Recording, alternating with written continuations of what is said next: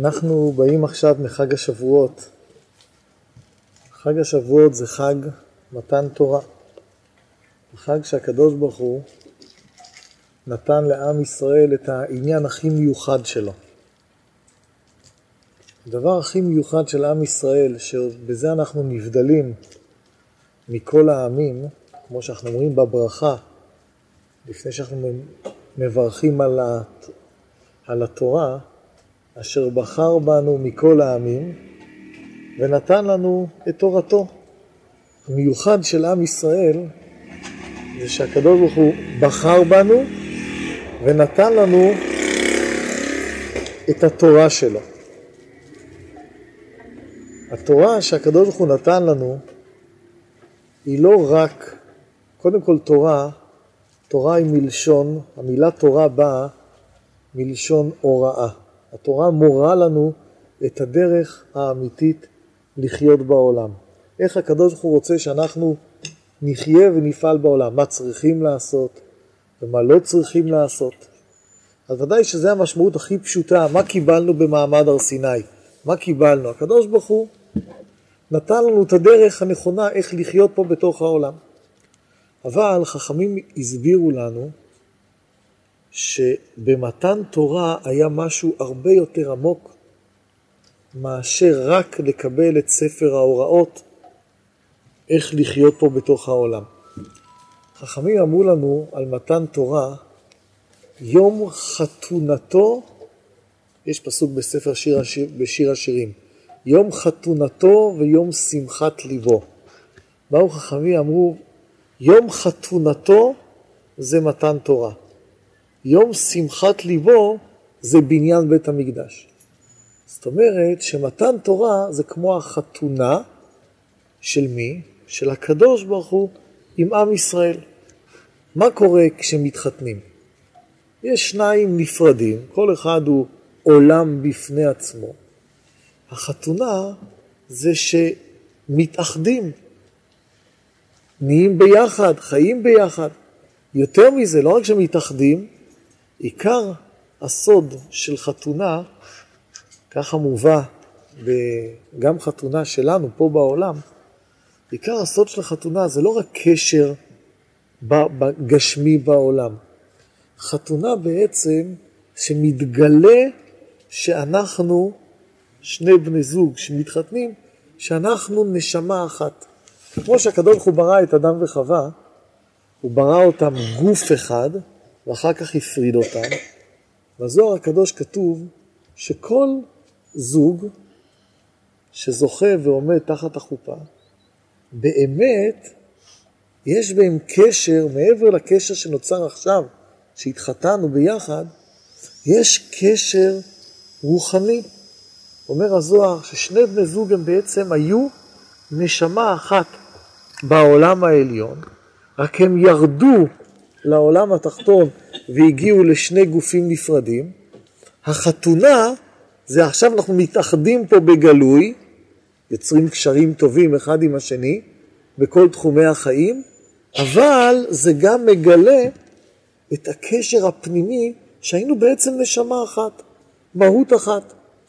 עד כדי כך היינו מהות אחת שכתוב, כתוב בספרים, שאפילו שבני הזוג לא מכירים עדיין אחד את השני, הם עוד לפני שהכירו, יש קשר נשמתי ביניהם, יש קשר בנשמה, ומצוות שאחד עושה, מזכים גם את השני. עבירות שאדם עושה, מפריעים לבן זוג השני שלו, כי הם קשורים, הקשר הזה הוא קשר רוחני. מה עושה החתונה? החתונה מגלה קודם כל קשר גלוי בעולם, אבל גם היא מגלה את אותו קשר נשמתי, את זה שאנחנו בעצם נשמה אחת.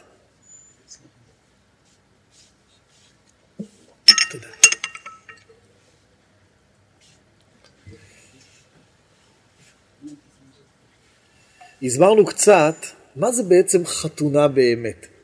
עכשיו, על פי המשל הזה, אנחנו צריכים להבין מה חכמים גילו לנו שמתן תורה חג השבועות זה יום, זה יום החתונה של הקדוש ברוך הוא ועם ישראל. יום חתונתו זה מתן תורה. מה זה בעצם אומר? שלא רק שעכשיו מתחיל קשר גלוי בינינו. קשר גלוי פירושו שהנה אנחנו עכשיו, אנחנו עושים מה שאתה הקדוש ברוך הוא רוצה, אתה, כשאנחנו מתפללים אליך, אתה עושה מה שאנחנו מבקשים ממך, זה קשר הדדי כזה. אנחנו שומעים את ההוראות שלך, עשה רצונך כרצונו, כדי שיעשה רצונו כרצונך. זאת אומרת, אנחנו עושים את שלו והוא עושה את שלנו. קשר גלוי. לא רק זה, החתונה בינינו לבין הקדוש ברוך הוא זה גילה שהנשמה של היהודי היא חלק מהקדוש ברוך הוא. כמו שהסברנו מקודם, כמו ששני בני זוג, חתונה גשמית בעולם, זה לא רק שאחד מתייחס יפה או לא מתייחס יפה לשני, אנחנו בעצם נשמה אחת, כמו שהקדוש ברוך הוא ברא את אדם וחווה. ככה בינינו לבין הקדוש ברוך הוא, החתונה עושה, מתן תורה עושה, עשה, שהנשמה שלנו היא חלק, ככה כתוב בספרים, חלק אלוקה ממעל ממש. חלק מהקדוש ברוך הוא. זאת אומרת, בכל יהודי, בפנימיות שלו, אחרי שעמדנו עם ישראל, בחר בנו מכל העמים ונתן לנו את תורתו, הפנימיות של כל יהודי קשורה, מחוברת, מאוחדת עם הקדוש ברוך הוא. בפנים שלנו אנחנו אוהבים את הקדוש ברוך הוא, בפנים שלנו אנחנו מרגישים אחד ממנו. אחד הרמזים היפים שכתובים בספרים, שהמילה ישראל, ככה זה מובא בספר, אחד מהמקובלים הראשונים, שהמילה ישראל, כך הוא אומר, זה ראשי תיבות, יש שישים ריבו אותיות לתורה. כמה נשמות יש בעם ישראל שעמדו במעמד הר סיני? 600 אלף, 60 ריבו נשמות. 600 אלף יהודים עמדו, נשמות כלליות, עמדו במעמד הר סיני.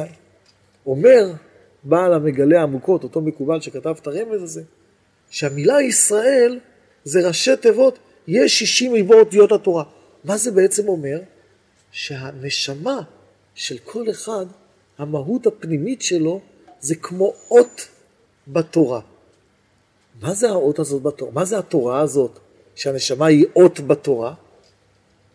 אומר הזוהר הקדוש, קוד שבריחו ואורייתא חד. הקדוש ברוך הוא והתורה שלו זה דבר אחד.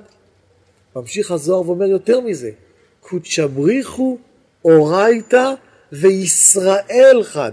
הקדוש ברוך הוא, התורה וישראל זה דבר אחד. זאת אומרת שהפנים שלנו זה אות בתורה, והפנים שלנו מחובר ומאוחד עם הקדוש ברוך הוא. זה בעצם מה שקרה במתן תורה.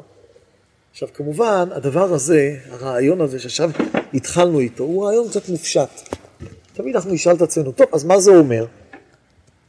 אז יש לי אות בתורה, אני בעצם, הנשמה שלי היא חלק מהקדוש ברוך הוא, חלק אלוקא ממעל ממש. אבל מה זה אומר לי בחיים שלי? מה זה אומר לי באופן שאני צריך לפעול ולהתנהג בעולם? מה זה אומר לי, הנה אני יהודי, חגגתי את חג השבועות, אבל זה גם לא, גם אם לא חגגתי אותו, בעצם עם ישראל, גם מי שלא חוגג, הוא עמד במעמד הר סיני, ויש לו נשמה שהיא אלוקית, חלק אלוקה עוד בתורה, אבל מה זה אומר לי בחיים היומיומיים שלי? למה זה עוזר לי הדבר הזה? מה אני באמת צריך לעשות עם הדבר הזה? אחד היסודות הכי חשובים בחיים אמיתיים בעולם, שהאדם יביא אל החיים את כל מה שיש בו, את עצמו. אם אדם חי חיים רדודים, שטחיים, אז מה זה חיים רדודים ושטחיים? הוא לא מביא את כל העומק שטמון בו. הוא מביא רק קצת חיצוני. ודאי שחיים כאלה, שאתה לא מביא את כל העומק שבך, זה חיים מבוזבזים. זה חיים שגם יביאו הרבה סבל. ולמה הם מבוזבזים ויביאו הרבה סבל? כי את מה שאתה באמת, אתה בעצם לא מביא. אתה לא מביא לחיים. זה נכון בכל תחומי החיים. למשל, דיברנו מקודם על חתונה, על בני זוג.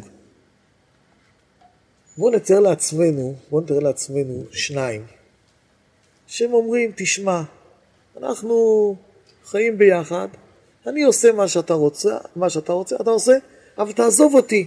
המחשבות שלי, הרצונות שלי, התחום, מה שמעניין אותי, השאיפות שלי, זה לא עניינך. אני, אני חי את חיי, אתה חי את חייך, לקשר אתה לא תביא, אתה לא מביא בקשר את, ה, את מה שבאמת אותך, מה שבאמת מעניין אותך. אתה נותן לקשר משהו מאוד שטחי ורדוד.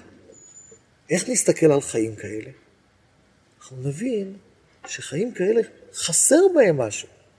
כי שניים, מתי הם חיים נכון, מתי הם חיים טוב, שכל אחד מביא, משתף את כל מה שיש לו, הוא באמת מתעניין בשני, הוא באמת מרגיש רגשות כלפיו, הוא באמת חושב על טובתו, הוא... יש עניין פנימי, ולא רק, טוב, אני עושה, אתה עושה, אבל כל אחד יש לו את העולם שלו, נפרד, לא מת... כשאחד אומר לשני, מה עובר עליך? אני רואה שקצת קשה לך, עזוב, לא מעניין אותך. אחד שואל את השני, אני רואה שאתה שמח, מה עובר עליך? מה, למה? לא מעניין אותך. זה מאוד פוגע, זה לא מאוד לא אמיתי, כי אנחנו רוצים שהקשר יהיה שכל אחד יביא את עצמו. עכשיו, זה נכון גם לא רק בבני זוג, הורים וילדים. ילד צריך לא רק שייתנו לו, קח ממתק ולך. לא, לא. אני נותן לך, תשב בשקט ותלך. הוא רוצה שיתעניינו בו, שילמדו איתו, שייתנו לו חום, זה הכי חשוב, שהוא ירגיש שהוא חשוב להורים שלו, שיאהבו אותו. אבל ישאלו, ישאלו את הילד, מה זה משנה, אוהבים אותך, לא אוהבים אותך, מתעניינים בך, לא מתעניינים בך. נתנו לך את מה שאתה צריך תקבל, נתנו לך את המתק וזהו. הילד ירגיש, הוא יגדל מאוד קשה ככה. כי מה הוא ירגיש? באמת הוא לא קיבל מההורים שלו את מה שהוא באמת היה צריך לקבל. מה הוא קיבל? הוא כאילו קיבל את החוץ, משהו מאוד חיצוני, אבל את הפנימיות שלהם הוא לא קיבל. בחיים, כשאנחנו לא מביאים את עצמנו, זה לא טוב. זה לא, זה לא אמיתי, בכל תחומי החיים. ניתן עוד דוגמה. אדם עובד עבודה, אדם צריך לעבוד את העבודה שלו בנאמנות. מה זה נקרא שהוא עובד את העבודה בנאמנות? הוא צריך להשקיע את המחשבות שלו, לעשות אותה בצורה הכי טובה, לפעול בצורה הכי טובה, לעשות את מה שצריך לעשות. ואם הוא אומר בעצם לא מעניין אותי מה אני עושה פה, אני רק עושה ככה לצאת ידי חובה, רק עושה כדי לצאת ידי חובה, ולא בדיוק משנה לי מה שאני עושה. הוא עובד טוב בעבודה שלו. כולם מבינים שזו עבודה מאוד לא נאמנה. כי כשאתה לא משקיע את עצמך, אתה לא עושה את כל מה שאתה יכול, אנחנו לא אומרים שצריך להשתגע בעבודה, אבל אדם שרוצה לעבוד בצורה נאמנה, בצורה אמיתית, הוא צריך להשתדל לתת את המקסימום שלו. בכל תחומי החיים צריכים לתת את המקסימום. אז באמת מצליחים בבית, עם הילדים, בעבודה. ולכן זה מאוד חשוב לדעת מה יש לנו באמת לתת. אם כדי להצליח בכל תחומי החיים אנחנו צריכים לתת את עצמנו, וזה נכון בכלל בחיים, לכן מאוד חשוב לדעת מה יש לנו באמת לתת. באה התורה וגילתה לנו, בכל אחד יש בתוכו כוחות אמיתיים, מופלאים, הוא מחובר עם הקדוש ברוך הוא. יש לו נשמה אלוקית שהיא חלק אלוקא ממעל, שהיא אות בתורה, כמו שהסברנו מקודם. זאת אומרת, הרעיון הזה, שבכל אחד מאיתנו יש כוחות מאוד מופלאים, הרעיון הזה בעצם מלמד אותנו כמה ומה אתה צריך להביא בשביל החיים. עכשיו, כדי להבין את זה בצורה קצת יותר מדויקת, אנחנו הסברנו, בעקבות החג שאנחנו באים ממנו, את הנקודה הראשונה, העיקרית,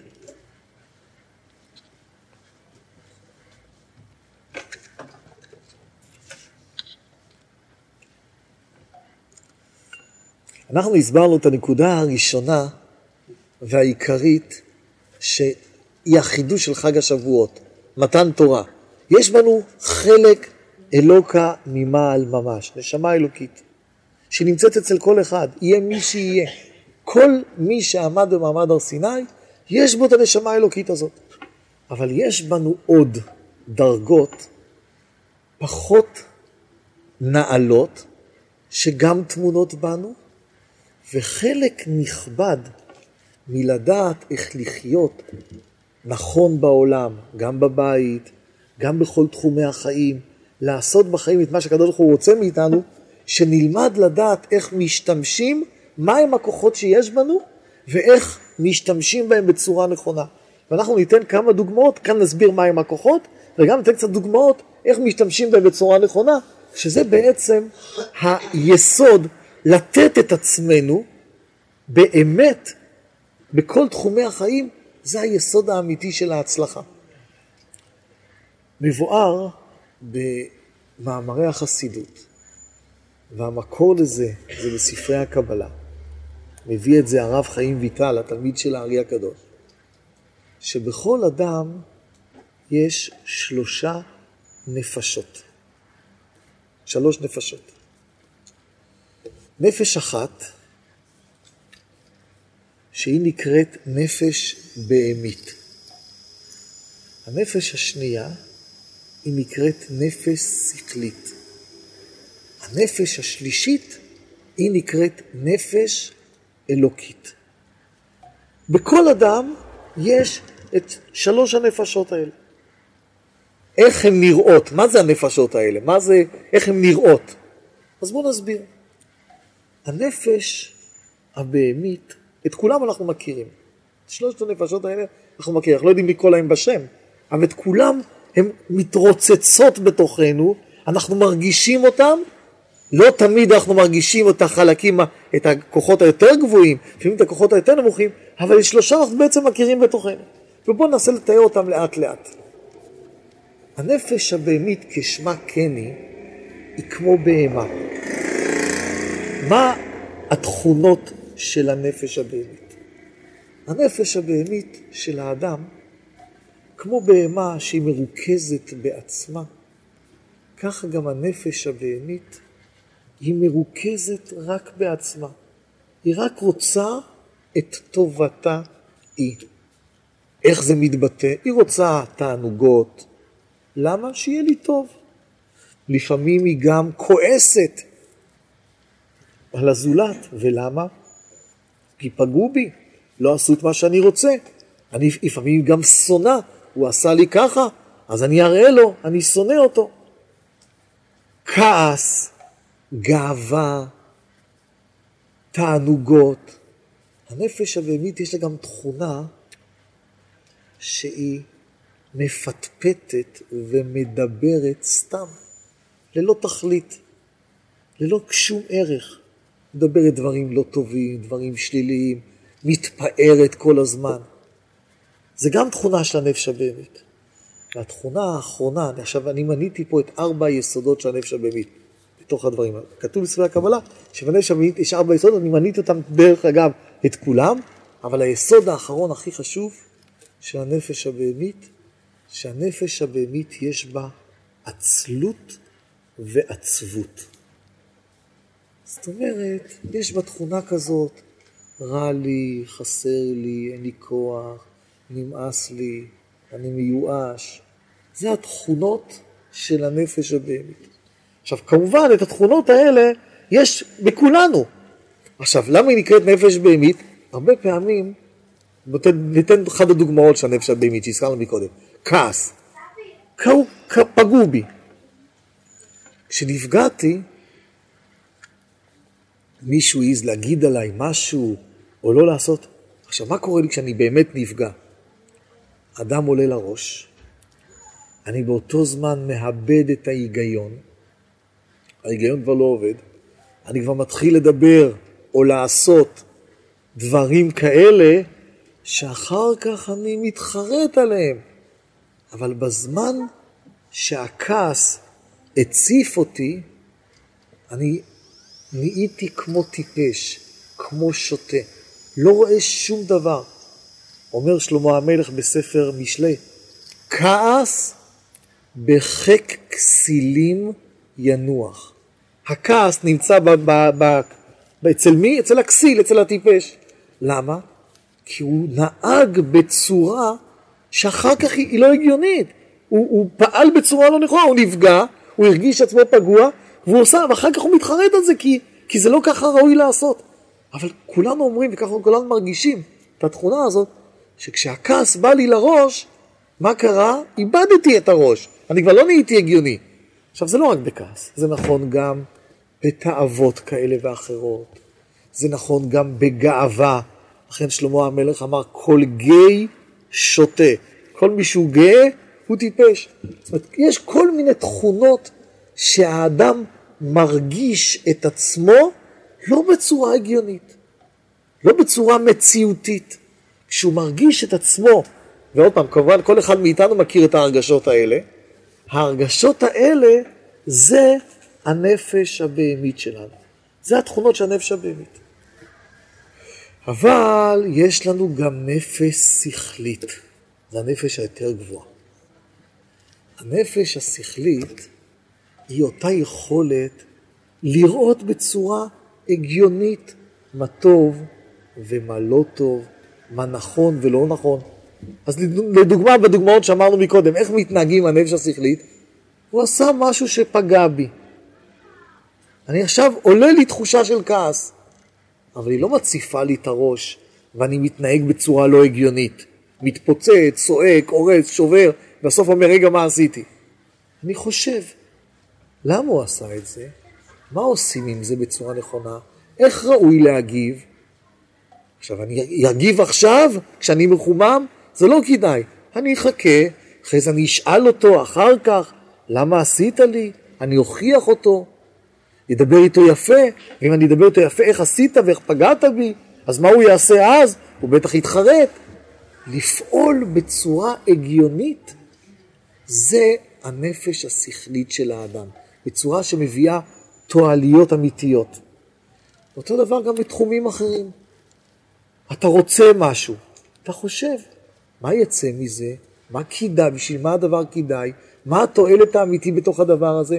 היכולת של האדם, כל אדם, להשתמש עם השכל שלו ולבחון איך לפעול בעולם בצורה נכונה ואמיתית, זה נקרא הנפש השכלית של האדם.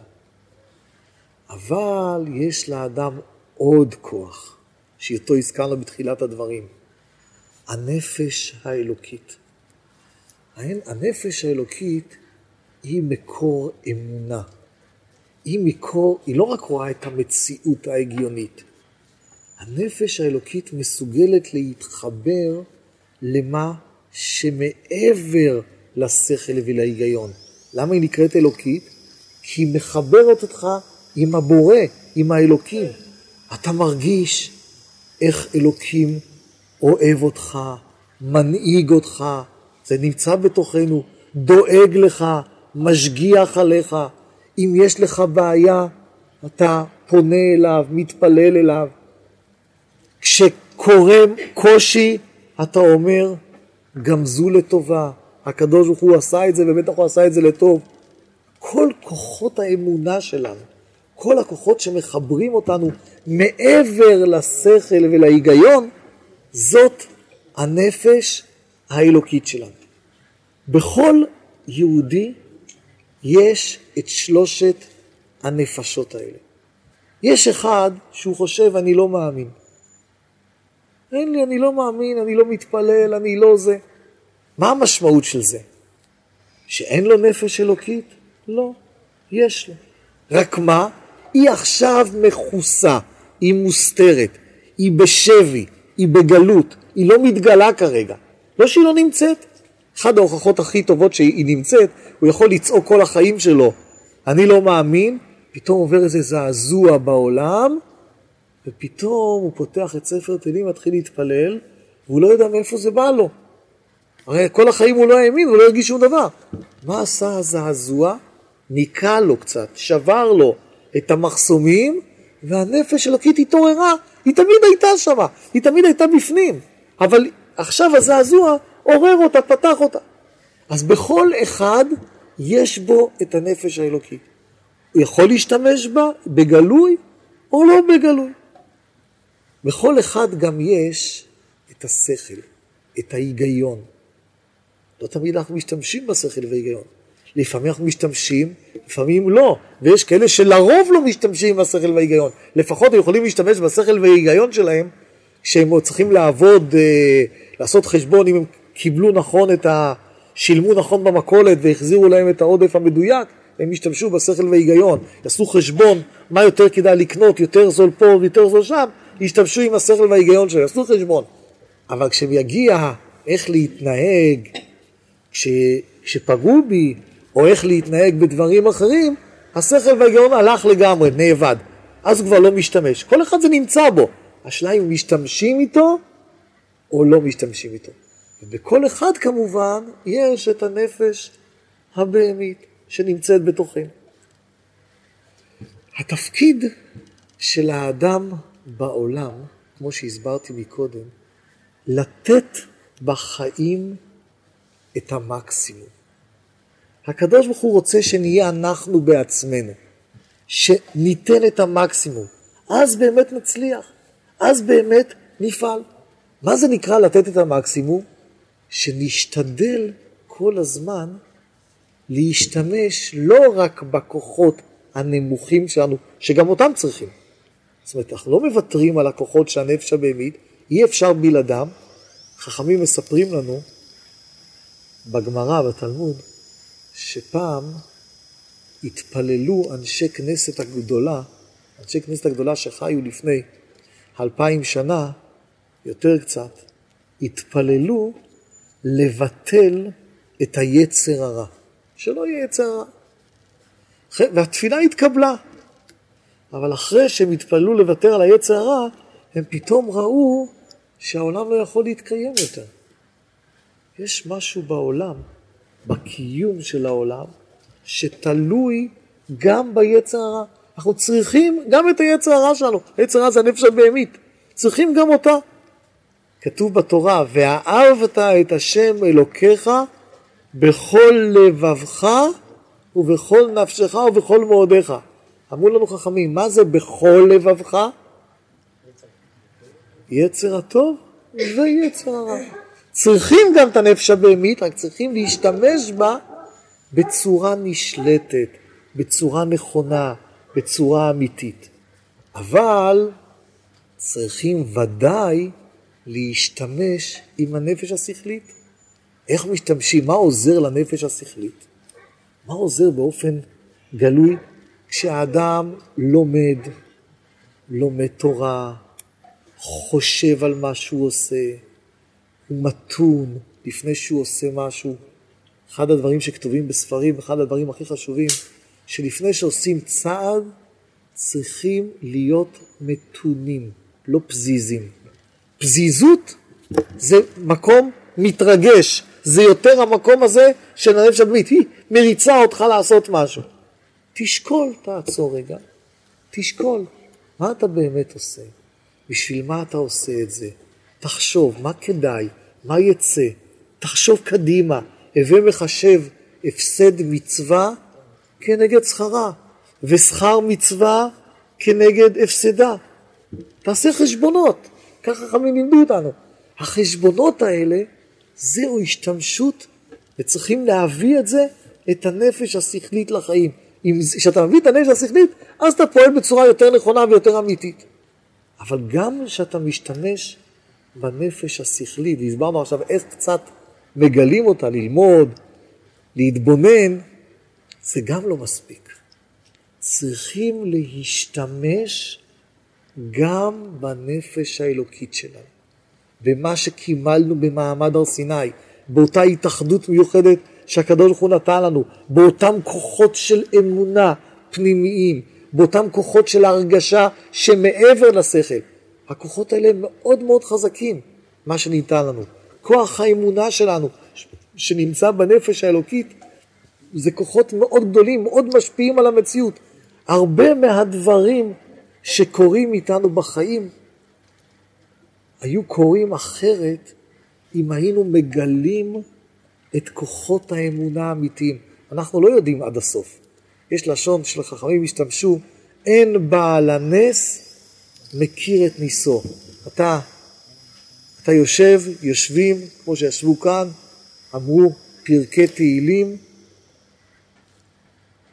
התפללנו לקדוש ברוך הוא, אחר כך מה זה עשה, ממה זה הציל, איזה טובה הביא לעולם, אין בעל הנס מכיר בניסו.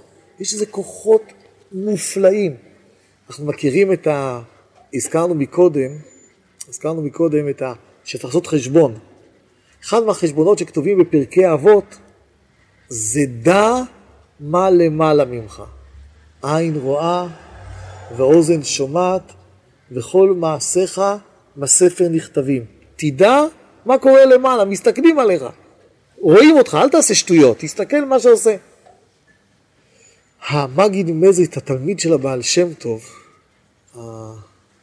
היום, אתמול, בחג השבועות, היה ההסתלקות של הבעל שם טוב, מייסד תורת החסידות. היום, זין בסיוון, הוא נקבר, הבעל שם טוב. ככה מובא בספרים, היום הזה. התלמיד של הבעל שם טוב, מגיד מזית, שהוא אמר על המשנה הזאת בפרקי אבות, דמה למעלה ממך, עין רואה ואוזן שומעת וכל מעשיך בספר נכתבים, הוא אמר כך, דע מה למעלה ממך. תדע שמה שהקדוש ברוך הוא עושה איתך, מה שקורה מלמעלה, קורים כל מיני דברים מלמעלה. כל מיני דברים שהקדוש ברוך הוא עושה. דע מה למעלה, מה שהקדוש ברוך הוא עושה, זה ממך. מה זאת אומרת ממך? לפי ההתנהגות, לפי האמונה שלך, אתה גורם שככה דברים יהיו. מה זאת אומרת? אם אתה, עכשיו פה נסביר קצת, אמרנו מקודם שזה מאוד חשוב לגלות את הכוחות של הנפש האלוקית שלנו. אז כתוב בזוהר דברים מופלאים. כתוב בזוהר כך, עלמא, אני אגיד את זה בארמית אחר כך בעברית, עלמא אילהה כגוונה דעלמא תתאה. העולם העליון הוא כמו העולם התחתון. אם בעלמא תתאה, אם בעולם התחתון נמצאים בעציבו, בעצבות, העצבות הזאת עושה שגם בעולם העליון תהיה עצבות. ואם בעולם התחתון יש שמחה וחדווה, הלשון שם זה חדווה, שמחה, זה עושה שבעולם העליון יהיה שמחה וחדווה. מה המשמעות של הדבר הזה? מובא על זה שיש לנו, כמו אותו פתגם שאמרנו, דמה למעלה ממך, תדע שמה שקורה למעלה זה ממך. האופן שהאדם מתנהג פה, הוא גורם שהדברים יהיו למעלה. אם הוא בשמחה, אם הוא בביטחון, אם הוא באמונה, השמחה הזאת עושה שלמעלה יש שמחה, אמונה וביטחון כביכול, ויימשך לו שפע של טוב וברכה למטה. ולעומת זה, אם הוא נמצא בעצבות ובייאוש, זאת אומרת, מה הוא בעצם עושה במצב של עצבות וייאוש? כמו שהסברנו מקודם, הוא מגביר, הוא משליט את הנפש הבהמית שלו ומסתיר את הנפש האלוקית שלו, זה בעצם העצבות והייאוש, זה עושה למעלה שגם הקדוש ברוך הוא מסתתר, מכניס את עצמו לגלות, וכביכול, למרות שהוא מאוד רוצה לעשות לנו טוב, הוא כאילו לא יכול. הוא כאילו, ישראל מתישים בלשון של חכמים כוח פמליה של מעלה. מה זה מתישים כוח פמליה של מעלה? הקדוש ברוך הוא רוצה לתת להם טוב, רוצה להשפיע עליהם חסד וטוב, והם נחסמים, כביכול, הטוב נחסם בגלל שישראל למטה פועלים מתוך רגשות ומתוך הסתכלות נמוכה, וזה מונע את הטוב שנמשך מלמעלה. עכשיו, על פי זה, על פי הכללים האלה שעכשיו הזכרנו, אנחנו עכשיו נחזור למה שהתחלנו. זה מאוד מאוד חשוב לדעת באמת מה הקדוש ברוך הוא נתן לנו. להכיר את עצמנו בצורה נכונה, שאת העקרונות האלה עכשיו הסברנו. יש לך נפש בהמית, יש לך גם נפש שכלית, ויש לך גם נפש אלוקית. כמה שתעשה, תגלה יותר את מה שהקדוש ברוך הוא נתן לך, כמה שתתעצם יותר עם עצמך באמת, עם עצמך האמיתי, ככה יהיה יותר טוב בכל התחומים.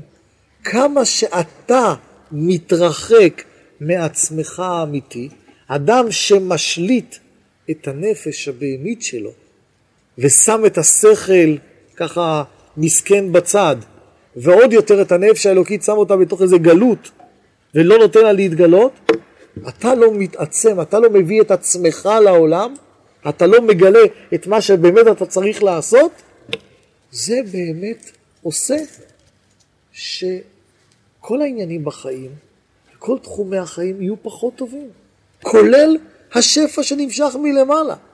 כל התחומים נהיים פחות טובים, לכן זה מאוד מאוד חשוב שנדע להשתמש בכל מה שהקדוש ברוך הוא נתן לנו, בכל הטוב שהקדוש ברוך הוא נתן לנו, ונגלה את כל אותם כוחות פנימיים. איך עושים את זה? דיברנו על הדרגות, אבל איך עושים את זה? מה הדבר העיקרי? מה הדבר העיקרי שעוזר לנו לחשוף ולגלות יותר את מה שהקדוש ברוך הוא נתן לנו? בחסידות רגילים, הלשון שהרבה, הרבה הקודם, גם הרבי, היה משתמש לברך ברכה לחג השבועות, שנזכה לקבל את התורה בשמחה ובפנימיות. זה הלשון. שנזכה לקבל את התורה, אבל שנזכה לקבל אותה בשמחה ובפנימיות. בואו ננסה להבין את הברכה הזאת. מה הוא בעצם אמר? עם ישראל מגיע חג השבועות, מקבלים את התורה. עם ישראל כולם עמדו במעמד הר סיני, קיבלו את התורה.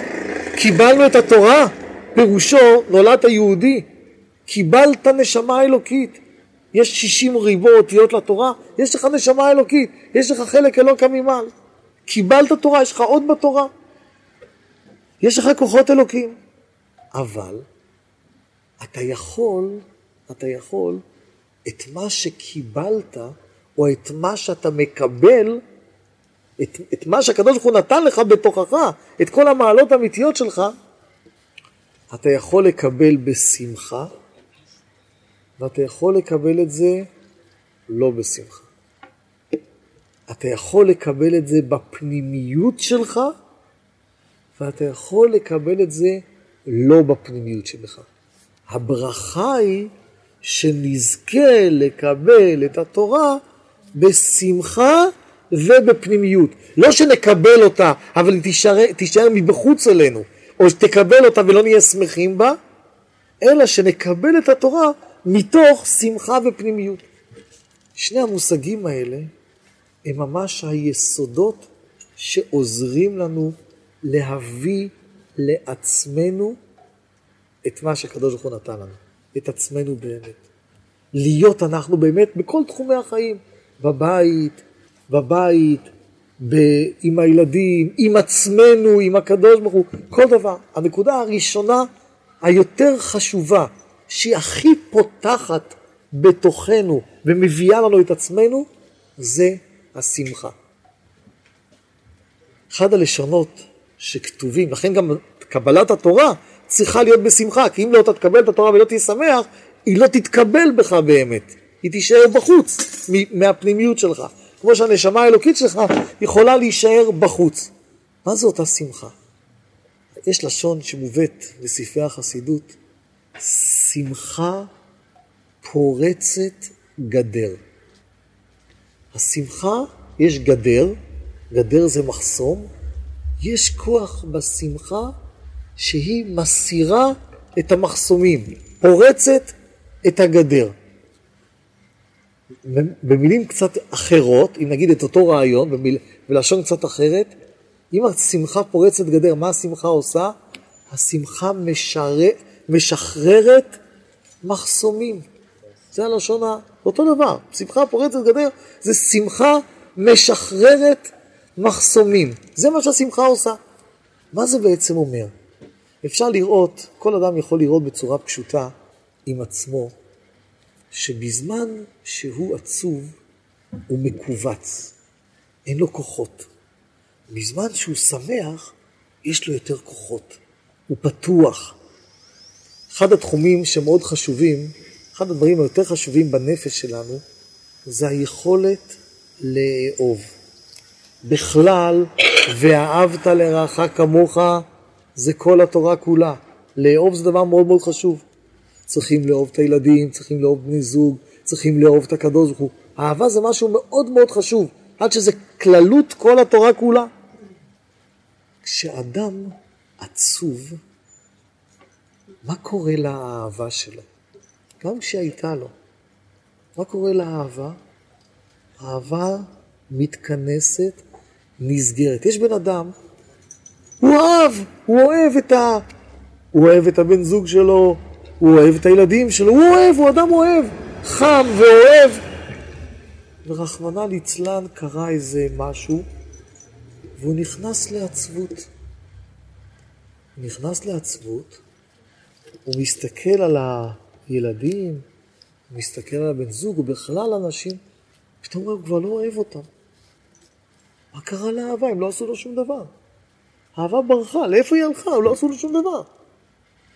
הוא לא יודע שהאהבה לא ברחה. היא נכנסה לגלות, נכנסה פנימה והסתתרה. מה הסתיר אותה? מה חסם אותה? מה הדבר שחוסם יותר מכל את מה שבאמת יש בנו, אפילו שהיה גלוי בנו? זה העצבות. העצבות חוסמת. כמו שהעצמות חוסמת, ככה השמחה פותחת ומשחררת. כמה שהאדם יותר שמח, ככה הוא יותר מתקרב אל עצמו. כמה שהאדם פחות שמח, ככה הוא יותר מתרחק מעצמו. אחת הדוגמאות שכתובות בספר התניא לרעיון הזה, אחת הדוגמאות שכתובות... אה?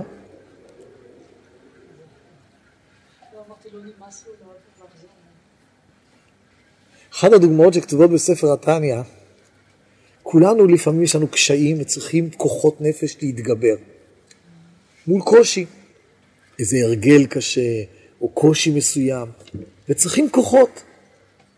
אומר האדמו"ר הזקן בספר התניא, בפרק כ"ו, הוא אומר כך, אפשר לראות בצורה מוחשית, כמו שניים שנאבקים אחד עם השני.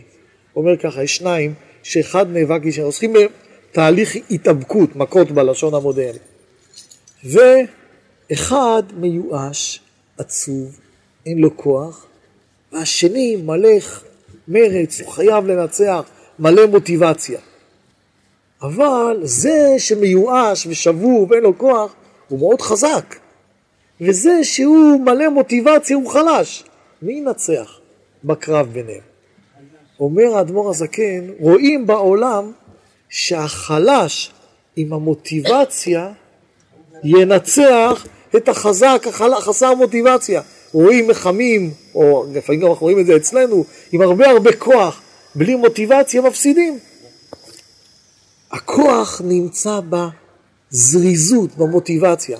אומר האדמו"ר הזקן, כמו שזה בעולם הגשמי, ככה זה בעולם הרוחני. יש לך מאבקים.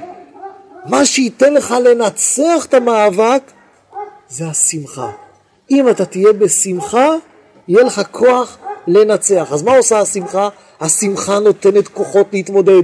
ידוע היום, בכלל ידוע אפילו, זה דבר מדוד, מדדו את זה בעולם, שאפילו בדברים, חס וחלילה, כמו מחלות, או דברים כאלה, שיש לאדם דברים שלכאורה מאוד מאוד קשים. אדם שהוא מיואש ונהיה עצוב מזה, המחלה תתגבר עליו הרבה יותר מאשר אותו אחד שהוא בשמחה וצוחק ובביטחון שיהיה בסדר, השמחה תיתן לו את הכוחות להתגבר על אותו קושי. זה פועל גם בעולם, כי השמחה, מה אותה השמחה? כמו שאמרנו, היא משחררת, היא נותנת כוחות, היא פותחת את הכוחות הפנימיים. אז לכן, אחד מהכללים היותר חשובים, מה מביא אחד הכללים היותר חשובים, מה עוזר לנו להביא את עצמנו באמת לחיים, זה שמחה. ולכן גם הרבי אומר שקבלת התורה צריכה להיות בשמחה, בשמחה ובפנימיות. עכשיו כמובן, אדם ישאל כאן, ובצדק, אבל שמחה צריכה להיות שיהיה דברים משמחים. אם אין דברים משמחים, איך אני אהיה שמח? כן, מה זה, אתה אומר ששמחה נותנת לי כוחות, מחזקת, חושפת את הכוחות הפנימיים, כן, אם אין דברים משמחים איך אני אהיה שמח. זה טעות. שמחה היא תוצאה של הבנה נכונה של המציאות. אדם יכול להיות שיהיה לו הרבה דברים טובים, והוא יהיה עצוב, כי כל מה שיש לו חושב שזה כלום. והוא רואה אצל השני יותר, והוא רק מקנא, והוא יתרגל למה שיש לו, ואז הוא לא שמח במה שיש, יש לו הרבה, יכול להיות לו עושר עצום, אבל זה מאוס לו, הוא לא מרגיש בזה כלום. אנחנו, אדם שאין לו כסף, אומר, אם היה לי קצת יותר כסף, הייתי מאושר שבעולם. עכשיו יש לי בעיה, אני בקושי גומר את החודש, אם היה לי הרבה הרבה כסף, הייתי מאושר שבעולם. אפשר להסתכל על אלה שיש להם הרבה הרבה הרבה כסף. ואולי הרבה יותר אומללים. אז למה? מה, הכסף עשה אותם אומלל. למה אתה חושב שהכסף יעשה אותך עושר? לא הכסף עשה אותו אומלל, ולא השמחה, לא החוסר כסף עושה אותך שמח או לא שמח. הגישה, ההסתכלות. מי שמסתכל על מה שיש לו כמובן מאליו, הוא מפסיק להיות שמח בזה. מי שיש לו קושי, אם הוא ידע להסתכל עליו נכון, אז הוא ידע, קושי זה אתגר. זה טוב שהקדוש ברוך הוא נותן לך שתתגבר עליו. אז זה דבר טוב. כל מה שהקדוש ברוך הוא עושה זה לטובה, גם הקושי זה טוב. אז הקושי לא יעציב אותך. אבל אם אתה תסתכל על הקושי בתוך מסע, אוי, עוד איזה פצרה באה עליי, כבר נמאס לי ואין לי כוח, ודי, וזהו, ולמה עושים לי את זה, ולמה מגיע לי ככה, וכל הזמן אני מסכן, למה אני כל הזמן סובל מכל מיני דברים, כל מיני מחשבות כאלה, אז הקושי במקום יהפוך להיות, במקום שיהפוך להיות אתגר וכוח בונה, הקושי הופך להיות מייאש והורס. אז בעצם, בעצם, שמחה זה הבנה. לכן בספרי הקבלה כתוב שמקום השמחה היא בספירת הבינה. ככה כתוב. בינה זה ההבנה האמיתית. אם יש הבנה אמיתית, יש שמחה. אז לכן, כששאלנו את השאלה הזאת מקודם, צריכים שמחה, וזה הדבר הכי חשוב, איך מגיעים לשמחה? אם יהיה לי טוב אני אהיה שמח. לא, לא, לא. לא אם יהיה לך טוב תהיה שמח. אם תשתמש נכון עם מה שהקדוש ברוך הוא נתן לך, עם השכל, ותלמד, תבין איך צריכים לחיות באמת בעולם. תלמד, תבין איך מתנהגים נכון בכל מיני מצבים. תשתמש בשכל שלך ללמוד ולהבין. ויותר מזה, אם תהיה גם שמח, יתגלו בך כוחות האמונה שלך, אתה תרגיש את הקשר הגלוי עם הקדוש ברוך הוא, ואז גם הנפש האלוקית תתגלה. לכן שמחה היא כוח שמביא את עצמנו ממש. עד כדי כך יש תכונה לשמחה שמביאה גם את הנפש האלוקית. יש מאמר מדהים של חכמים שהם אמרו שאין השכינה שורה אלא מתוך שמחה. מה זאת אומרת אין השכינה? מה זה השכינה? השכינה זה חלק אלוקה, זה הקשר עם הקדוש ברוך הוא, מה שהתחלנו היום את השיעור. השכינה לא יכולה, הנפש האלוקית לא יכולה להתגלות, רק כשאתה שמח. ותחת אשר לא עבדת את השם אלוקיך בשמחה ובטוב לבב מרוב כל, ועבדת את אויביך ברעב ובצמא ובעירום ובחוסר כל. כך אומרת התורה בפרשת כי תבוא. מסביר על הפסוק הזה הארי הקדוש, הוא אומר כך: אתה יכול לעשות את המטלות שמוטלות עליך בעולם, אבל אתה לא עשית אותם מתוך שמחה. זה נקרא הבנה, תחת אשר לא עבדת את השם אלוקיך בשמחה ותולבה. אתה עשית דברים, אבל לא עשית אותם מתוך שמחה. התוצאה לזה, התוצאה לזה, ועבדת את אויביך, זאת אומרת, האויב משתלט עליך. מי זה האויב? אותה נפש בהמית, אותו יצר הרע, הוא משתלט וחוסם אותך. אם היית עושה את הדברים מתוך שמחה, הנפש האלוקית הייתה מתגלה, והטוב היה מתגלה הרבה יותר בחיים. אז מילא, הכלל הראשון והכי חשוב, איך אנחנו מתעצמים, חושפים את הדברים הטובים שבתוכנו, זה להבין נכון את החיים, ללמוד כמובן את זה, אם לא לומדים, אי אפשר להבין, ללמוד ולחשוב על זה, והעיקר, זה נקרא שהבנת נכון. אם הבנת נכון, אתה מקבל גישה חיובית, שמחה לחיים. וכמה שאתה תהיה יותר שמח, ככה זה מוכיח שהבנת יותר טוב, ויתגלו בך יותר הכוחות של הנפש האלוקית. אם לא הבנת נכון, זאת אומרת, אם אתה חושב שאתה מבין, אבל אתה בדיכאון, סימן שאתה לא הבנת נכון. משהו בהבנה שלך לא נכונה. כי הבנה אמיתית ונכונה, זה הבנה שמביאה שמחה. אז זה הדבר, הכלל הכי חשוב, והראשון שעומד פה מאחורי הדבר הזה. הדבר השני, זה המילה פנימיות. בשמחה ובפנימיות. מה זה בפנימיות? פנימיות פירושו לזכור כל הזמן שאי אפשר להשתמש רק בדברים החיצוניים. אתה חייב להסתכל פנימה. אתה חייב להסתכל באמת מה שקדוש ברוך הוא נתן לך. אל ת, תסתפק ואל תמדוד את הדברים רק על פי דברים חיצוניים. אם אתה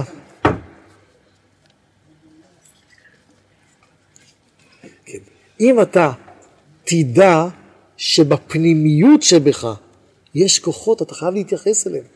אל תסתכל רק מבחוץ. עכשיו בוא ניתן דוגמה קצת, מה הכוונה, ובזה כבר נסיים את הדברים היום. אז בואו נס, נסכם, נ, נסיים במה הכוונה להסתכל על דברים בפנימיות. דיברנו על השמחה. מסתובב בן אדם בעולם והוא שואל את עצמו, מה אני כבר שווה? מה אני כבר מצליח? מה איזה דברים טובים אני עושה? מה... שום דבר, שום דבר לא הולך לי, שום דבר זה קשה לי, רע לי. ו... הוא מסתכל, זה מה שהוא מרגיש. הוא אומר אמת. הוא מרגיש, ולכן זה מה שהוא מרגיש, הוא עצוב, קשה לו. יש לו קשיים לפעמים עם הילדים, קשיים לפעמים עם דברים אחרים אחרים, והוא מרגיש שקשה ולא הולך והוא לא מצליח. הוא מסתכל על עצמו בצורה נכונה? לא. אבל לכאורה זה מה שהוא מרגיש. זה מה שהוא מרגיש, ככה הוא מרגיש. מה חסר לו? חסר לו להסתכל פנימה.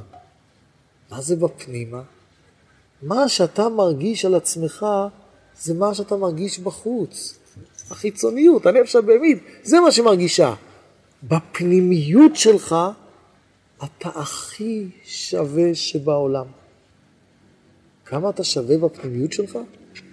אומר הבעל שם טוב, שאמרנו שהיום זה חג שבועות קשור אליו, אומר הבעל שם טוב שהקדוש ברוך הוא אוהב, הקדוש ברוך הוא אוהב כל יהודי, אפילו הכי פשוט, אפילו הקל שבקלים, הוא אוהב אותו כמו שהורים זקנים אוהבים את הבן היחיד שלהם שנולד להם לעת זקנותם. אנחנו יכולים להבין מה זה אהבה של הורים שנולד להם בן יחיד לעת זקנותם. מה הם מרגישים? הבן הזה זה כל העולם שלהם, זה הכל, אין להם שום דבר חוץ ממנו. זה כל המציאות שלהם, זה האהבה הכי גדולה, הכי עמוקה שיכולה להיות. אומר הבעל שם טוב, אתה יהודי הכי פשוט, הכי קטן, הקדוש ברוך הוא אוהב יותר מאשר אותה אהבה שהורים זקנים. אז לא משנה מי אתה, הקדוש ברוך הוא אוהב אותך, אהבה מאוד גדולה. הוא, אתה מאוד חשוב לך. אתה, הוא מאוד חש, אתה מאוד חשוב לקדוש ברוך הוא, לא משנה מי אתה. עכשיו, זה האמת הפנימית שלך. יש מה שאתה מרגיש בחוץ. בחוץ אתה מרגיש, אני לא עושה כלום, אני לא שווה כלום, מה אני, נכשלתי, ככה. זה בחוץ. בפנימיות, בפ... אם זה האדם חי, אם החוץ הזה הוא חי. זה כן. כן, זה, זה הוא חי, לכן אנחנו מדברים היום, כל מה שדיברנו היום, שעם זה אנחנו חיים וזה החוץ, וכל החוכמה האמיתית של התורה מלמדת אותנו שצריכים להיכנס פנימה, לא רק למה שמרגישים בחוץ, אלא מה שבאמת קורה. בשביל להיכנס פנימה צריך קודם כל להשתמש בשכל וללמוד, וצריכים לחזק את כוחות השמחה שלנו, שיגלו לנו את כוחות האמונה, וכמה שנלמד יותר, וכמה שנהיה יותר שמחים, אז נוכל להיכנס לפנימה, ואז אדם יכול להסתובב, לקום בבוקר ולהגיד, ברוך אתה השם שלא עשני גוי, ולהיות מאושר. כי הוא באמת מרגיש מה החשיבות הגדולה שלו, שהוא זכה להיות יהודי ואיזה דברים טובים יש בו. עכשיו יותר מזה, אומר האדמו"ר הזקן, בספר שלו ליקוטי תורה, הוא מביא את זה גם בקיצור יותר בספר התניא, הוא אומר שכל אדם בעולם, אפילו הפשוט שבפשוטים, יש בו נקודה אלוקית שבש... שאותה הקדוש ברוך הוא נתן לו, שבנקודה הזאת הוא הכי חשוב, הוא הכי גדול מכל בני האדם עלי אדמות במשך כל הדורות. מה זאת אומרת? שכל אחד יש לו עניין ייחודי שבשבילו הקדוש ברוך הוא ברא אותו, את מה שהקדוש ברוך הוא באמת רוצה, כל אחד יש לו מעלות, זה נכון על כל אחד. אבל בכל אחד יש עניין, בכל אחד יש עניין כזה שבזה הוא יותר חשוב מכולם, עד שכולם צריכים אותו. מסביר אדמו"ר הזקן שעל פי זה אפשר להבין את המשנה שכתובה בפרקי אבות, הווה שפל רוח בפני כל בן אדם. בפני כל בן אדם צריך להיות שפל רוח. איך אתה יכול להיות שפל רוח בפני כל בן אדם? אם אני רואה את הבן אדם הזה גדול, עם מעלות, הוא חכם, הוא צדיק, הוא יודע, הוא מצליח, אז אני אומר, כן, אני מרגיש את עצמי שפל תחתיו. אבל אם אני אסתכל על מישהו שהוא אפס אפסים, לא מצליח ואין לו מעלות והוא לא עושה מעשים טובים והוא לא צדיק והוא לא זה, איך אני יכול להיות שפל רוח בפניו? הרי הוא הרבה פחות ממני. איך אומרת המשנה בפרקי אבות? הווה שפל רוח בפני כל אדם. מסביר אדמו"ר הזקן איך אפשר להיות שפל רוח בפני כל אדם? מסביר אדמו"ר הזקן, כי כל אדם, אפילו שנראה לך בעיניים שלך שהוא הכי כלומניק, הכי לא שווה כלום, יש בו נקודה שהוא יותר ממך והוא יותר מכולם. ועד שאתה צריך וכולם צריכים לקבל את הנקודה הזאת ממנו. ולכן אומר האדמו"ר הזקן, הנשמות נשאלות למעגל. כל הנשמות זה כמו מעגל. מה התכונה של מעגל? כשמסתכלים על קו, הקו יש לו את ההתחלה ויש לו את הסוף. אז יש מי שנמצא בראש הקו, יש מי שנמצא באמצע, יש מי שנמצא בתחתית. אבל במעגל, כל נקודה במעגל היא הראש של כולם והיא גם התחתית של כולם. כל נקודה היא גם הראש של המעגל וגם התחתית של המעגל. וזה באמת הסוד של הנשמות. כל אחד יש בו את מה שהוא הראש של כולם. הוא גם צריך לקבל, זה נכון אצל כל אחד, אז הוא צריך גם לקבל מכולם. אבל כל אחד יש בו גם את הנקודה הזאת שהוא הראש של כולם. עכשיו ההסתכלות הזאת, שעכשיו הסברנו אותה, זה הסתכלות פנימית. מה זאת אומרת הסתכלות פנימית? שאתה, בוא נחזור לסיפור שסיפרנו. אתה מסתובב בעולם ומרגיש את עצמך בחוץ, מה אני ואני לא שווה כלום וכולי וכולי וכולי, ומה הערך ולא הצלחתי ואין לי ואין לי וכולי. אבל כל זה זה הרגשות שבאות מתוך הנפש הבהמית מבחוץ. אם היית לומד, מביא את עצמך באמת, מעורר את כוחות האמונה שהקדוש ברוך הוא נתן בך, היית גם יודע שיהיה מי שתהיה, אפילו הקל שבקלים, יש בך חשיבות וערך עצום. הקדוש ברוך הוא אוהב אותך כמו בן יחיד. יש לך תפקיד בעולם שאף אחד אחר אין לו את זה. וזו חשיבות גדולה ועצומה, ועוד פעם, מאיפה היא באה? מהפנימיות שלנו. אז לכן חייבים לחיות בצורה נכונה, להכיר את אותה פנימיות. עכשיו זה נכון, ההסבר שעכשיו הסברנו זה נכון גם בהסתכלות אל השני, כמו שעכשיו קצת אמרנו, זה נכון כמעט בכל תחומי החיים, אבל אנחנו לא נוכל להעריך עוד יותר ורק נסכם ונסיים, שדווקא הדבר, מה שהסברנו עכשיו זה נכון כל החיים. צריכים ללמוד, צריכים להיות בשמחה, צריכים לדעת מה באמת הקדוש ברוך הוא נתן בנו, מה הפנימיות שלנו, ולחשוף אותה. כמה שנדע לחשוף אותה יותר, וכמובן אי אפשר לחשוף אותה בלי ללמוד, בלי תפילה, זה הדברים העיקריים. תפילה מעוררת לנו את האמונה, לימוד תורה עוזר לנו לחזק את ההבנה השכלית שלנו, נותן לנו את הכוח להתגבר על אותו נפש חיצונית. כמה שאנחנו נלמד יותר ונתפלל יותר ונעשה מעשים טובים יותר, אנחנו נדע לגל... נהיה יותר אנחנו, ואז גם כן נפעל בצורה הרבה יותר טובה בעולם. והעיקר, זה הדבר הכי עיקרי, שצריכים לעשות את הכל מתוך שמחה. זה נכון כל השנה, ובמיוחד שמגיעים לחג השבועות, החג שהוא רק אומנם יום אחד, אבל זה החג הכי חשוב מכל החגים. כי למה הוא הכי חשוב? שנייה אחת, מיד ניתן מקום לשאלה. למה הוא הכי חשוב? כי בו קיבלנו את התורה שהיא בעצם הסוד האמיתי של מי אנחנו ומה אנחנו. אשר בחר בנו מכל העמים ונתן לנו את תורתו. ולכן החג הזה שבו קיבלנו את התורה, זה בעצם החג שעוזר לנו יותר מכל, גם בצד הפשוט של התורה, לדעת איך לחיות נכון בעולם, תורה מלשון הוראה כמו שאמרנו, וגם בצד העמוק והפנימי של התורה, שבעצם מגלה לנו את, את עצמנו, את הנשמה האלוקית שלנו, את הקשר האמיתי שלנו עם הקדוש ברוך הוא, וכשאנחנו מגלים את זה, כמובן אנחנו יכולים לחיות בעולם מתוך מקום הרבה יותר שלם, הרבה יותר אמיתי, הרבה יותר שמח, וגם בזה להגשים את המטרה שבשבילה הנשמה שלנו ירדה לעולם הזה. כשאתה חי חיים חיצוניים, אז הנשמה היא בגלות. כשאתה חי חיים פנימיים, אז הנשמה היא חופשית, היא השתחררה מהגלות, והיא מאירה לך את העולם ומאירה לך את החיים. כן. אתה אומר שכל הזמן צריך לחיות בשמחה. איך עושה משפחה שנפל עליה אסון, ומבקשים מהם, כמו שאתה אומר, להיות בשמחה. הם לא מסוגלים יותר להיות בשמחה. זה, זה, אין להם את הכוחות הנפשיים להיות יותר בשמחה. את שואלת שאלה מאוד טובה. אני אסביר.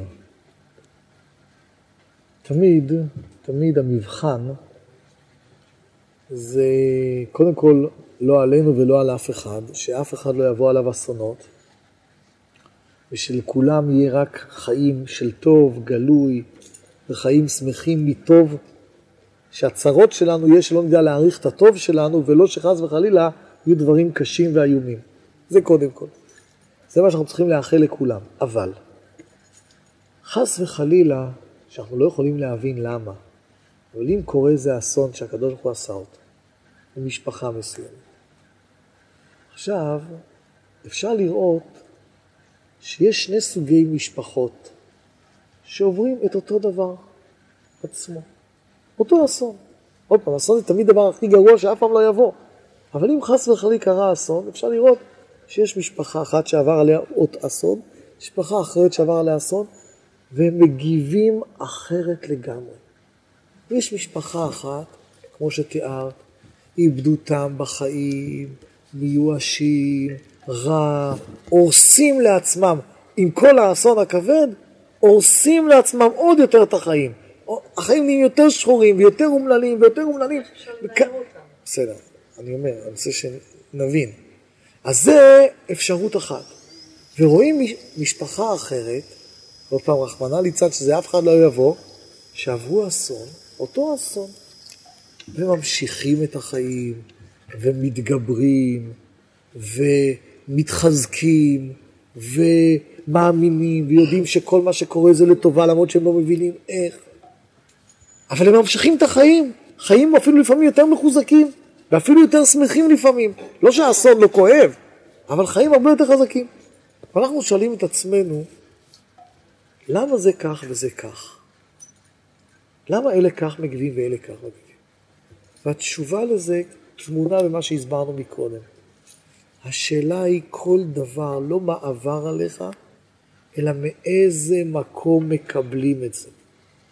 זאת אומרת, כשמקבלים מתוך מקום לא נכון, ממקום לא נכון זה בא מתוך המקום הזה של הנפש הבהמית, ששם כל מה שאתה חושב זה מה שמגיע לך, ואם קרה משהו אתה כועס, איך העזו שיקרה לך, איך, איך קרה כזה דבר, ואתה כועס על כל העולם, ואתה כועס על הקדוש ברוך הוא, ואתה כועס על כולם. אתה כועס, למה? כי אתה חושב, אתה מרוכז בעצמך, ואתה חושב שמה שהיה מגיע לך אחרת, ועכשיו קרה אחרת, אז כמובן, מתוך מגיע כזה, מתוך גישה כזאת, אז התוצאה של זה, בסופו של דבר, היא סבל הולך ומתגבר עוד יותר. עיבוד הטעם בחיים, והחיים נהיים מאוד מאוד קשים.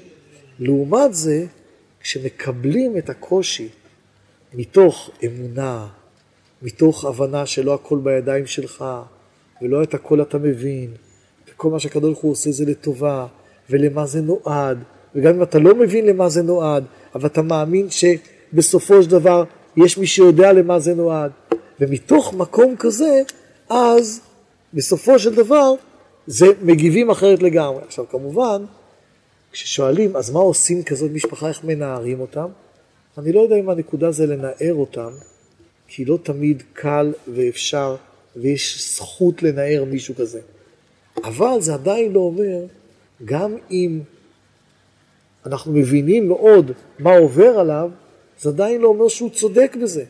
הוא צריך לזכות, אם מישהו היה יכול לדבר ולהסביר וללמד שהחיים צריכים להמשיך, ואסון זה עדיין לא סוף העולם, וצריכים לראות את הדברים בצורה נכונה, וצריכים להתעודד, אם היו מסבירים ועוזרים, אולי, אי אפשר לדעת, אבל אולי היו נפתחים למקום אחר. אז לכן, הכלל שהיום הסברנו שחיים אמיתיים ונכונים הם חיים של שמחה, זה נכון גם כשחס וחלילה עוברים דברים קשים, אבל צריכים אז כמובן הרבה יותר קשה, צריכים אז כמובן למצוא את הדרך הנכונה, כל אחד עם עצמו, או איך לעזור לו, לנסות להבין ולראות את הדברים הקשים בצורה נכונה. ותמיד חיים שבאים מתוך הנפש האלוקית, מתוך אמונה, הם חיים שבסופו של דבר יותר אמיתיים ושמחים.